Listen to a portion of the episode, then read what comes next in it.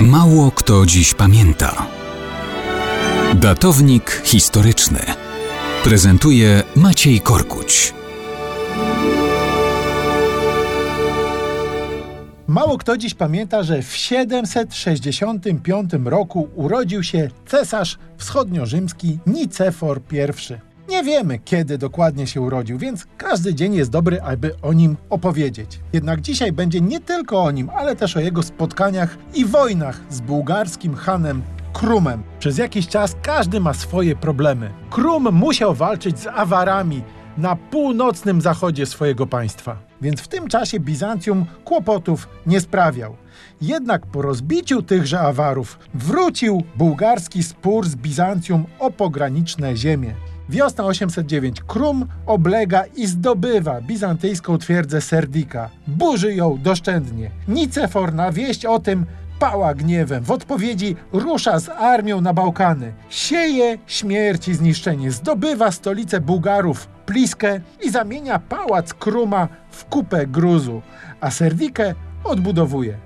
Ale na tym nie kończy. Wzmacnia garnizony, zbiera jeszcze większą armię i już w 811 roku ponownie rusza przeciw Bułgarom. Krum wobec przewagi wroga pokornieje, ale Nicefor odrzuca jego propozycje pokojowe.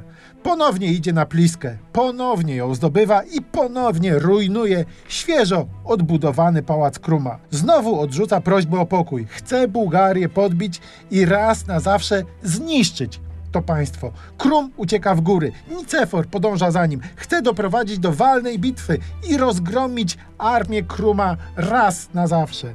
Ten unika walki, ale w końcu w górskich wąwozach na przełęczy Wrbica wojska Nicefora wprowadza w zasadzkę i zadaje tam Bizantyjczykom totalną klęskę. To jest masakra. Sam Nicefor zostaje pojmany i ścięty. Jest jedynym cesarzem w tysiącletniej historii Bizancjum, który ginie w takich okolicznościach. Krum ściętą głowę Nicefora obwozi triumfalnie po swoich ziemiach, wbitą na włócznie. Następnie każe z jego czaszki uczynić puchar do spożywania trunków za zdrowie w szczególnie świątecznych okolicznościach. Taki był finał wojennych spotkań dwóch władców Nicefora i Kruma. No cóż, zmywarki tego ostatniego wolałbym nie otwierać.